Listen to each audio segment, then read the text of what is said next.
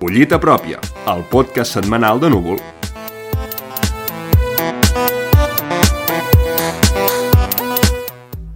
Hola a tothom i benvinguts una setmana més de Collita Pròpia, el podcast setmanal de Núvol on explicarem aquelles entrevistes, articles i reportatges destacats del digital de cultura.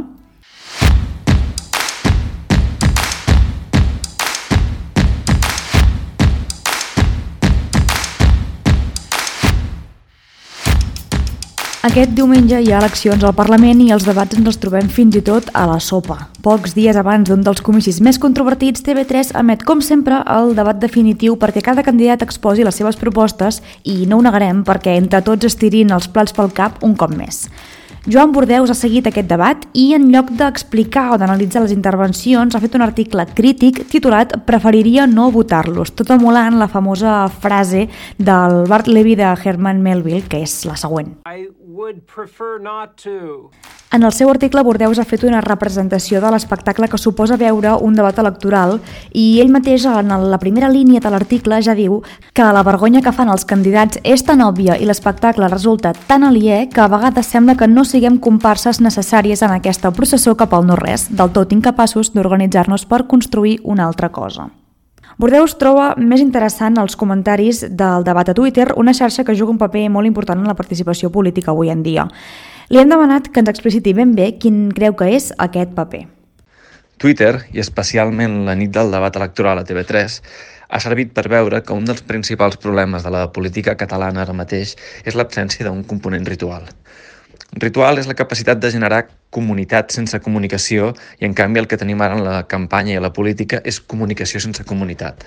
La terrible gestió de la pandèmia i la memòria del, del cràter que es va produir el 2017 arran dels fets d'octubre ha fet que ja no hi hagi una comunitat entre els electors catalans i els seus polítics, sinó només comunicació sense confiança.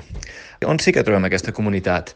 Doncs a Twitter, perquè la gent normal és aquella que ha quedada afectada pels efectes de les negligències dels polítics i aquesta comunitat d'afectats fa que qualsevol piulada anònima que forma part de, de la comunitat tuitaire tingui més sentit, tingui més consistència i t'ajudi més a entendre la, la realitat que no pas les proclames manufacturades per assessors de comunicació d'uns polítics que ja no formen part d'una comunitat amb els seus electors. A banda de la reacció de Bordeus al debat de TV3, Jaume Forés també ha publicat l'article Guia cultural per votar la 14F, on analitza un altre debat electoral amb representants del sector cultural de cada partit. Aquest debat l'organitza cada any l'Associació de Professionals de la Gestió Cultural de Catalunya i és interessant per conèixer més a fons quines intencions té cada partit en relació a la cultura. Si encara no ho heu fet, llegiu la reflexió que Joan Bordeus fa a Preferiria no votar-los i les propostes culturals a Guia Cultural per votar el 14F de Jaume Forés.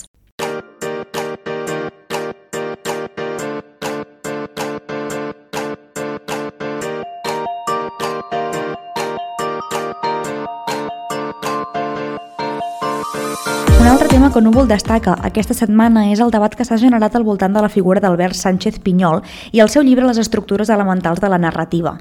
En aquest assaig, l'autor trasllada a la novel·la unes estratègies narratives que són més pròpies del teatre i en la indústria cinematogràfica. A Núvol se n'han fet tres articles al voltant d'aquesta qüestió. El primer és del novel·lista Melció Comas, a l'article Paradigma Pinyol, en què qüestiona l'originalitat dels plantejaments de Sánchez Pinyol, aportant tot d'antecedents d'altres teòrics del món del guió. En un segon article, l'editor Bernat Puig Tovella aplica les estratègies narratives de Pinyol per descriure la lluita d'aquest autor amb l'establishment literari català.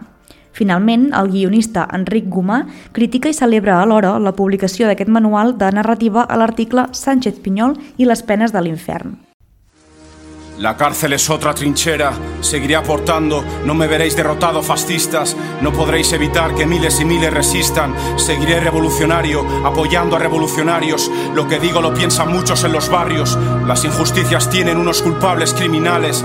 Y siempre voy a señalarles, es por nuestros derechos, nuestras libertades. Espanya es penja una altra medalla d'honor i mèrits. Serà el primer país europeu amb un raper tancat en mans de la justícia. Amb aquesta frase comença el reportatge de Laia Cerc i Agus Izquierdo, que es diu Quan el mur és la llibertat, i fan la crònica de l'acció que un conjunt de grafiters van fer als jardins de les Tres Xamaneies de Barcelona per protestar contra l'empresonament del raper Pablo Hasél pel contingut de les seves cançons. L'acció ha tingut una gran repercussió mediàtica després que la Guàrdia Urbana retirés un grafit amb una imatge del rei emèrit. Sin democracia como Juan Carlos tragando caviar Contando con tu apoyo porque sabes que es un ataque contra nuestras libertades. Cabeza de turco pa' callar al resto contra lo injusto impuesto. No más susto, protesto. Aquesta cançó que escoltem és l'última que ha publicat el raper. A pocs dies d'ingressar a la presó i on parla i reivindica doncs, la situació en la que es troba. La fotògrafa Laia Cerc ha captat els dibuixos dels grafiters on hi trobem imatges d'ocells engaviats i moltes paraules de llibertat. A més a més, també van poder parlar amb alguns dels artistes que van donar la seva opinió al respecte i també van explicar una mica el sentit de tot aquest esdeveniment. Alguns d'ells diu que, en part, l'objectiu és fer més ressò del cas de Hassel, ja que creuen que els mitjans no n'han fet la reivindicació que caldria. Quan el mur és la llibertat, article d'Agos Izquierdo amb fotografies de Laia Cerc.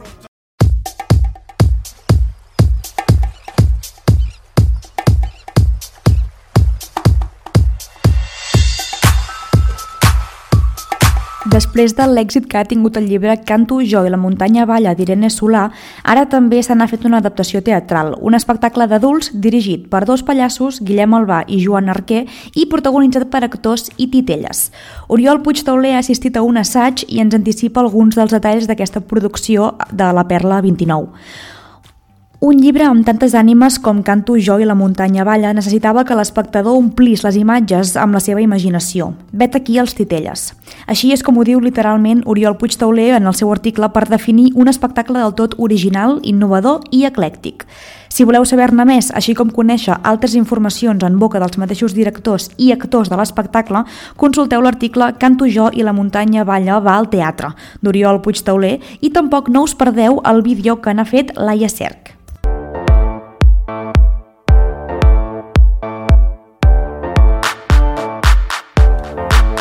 Yo, yo, microphone check. Veig autors que el que fan és intentar parlar d'unes idees abstractes, d'unes emocions intensíssimes, tot és una imatge d'una altra cosa, però això no pot ser el cos d'una novel·la. Una novel·la ha d'estar feta de material humil i una cadira és una cadira. Una cadira no és la caritat. Una cadira no és el repòs de sé quantos. Una cadira és una cadira.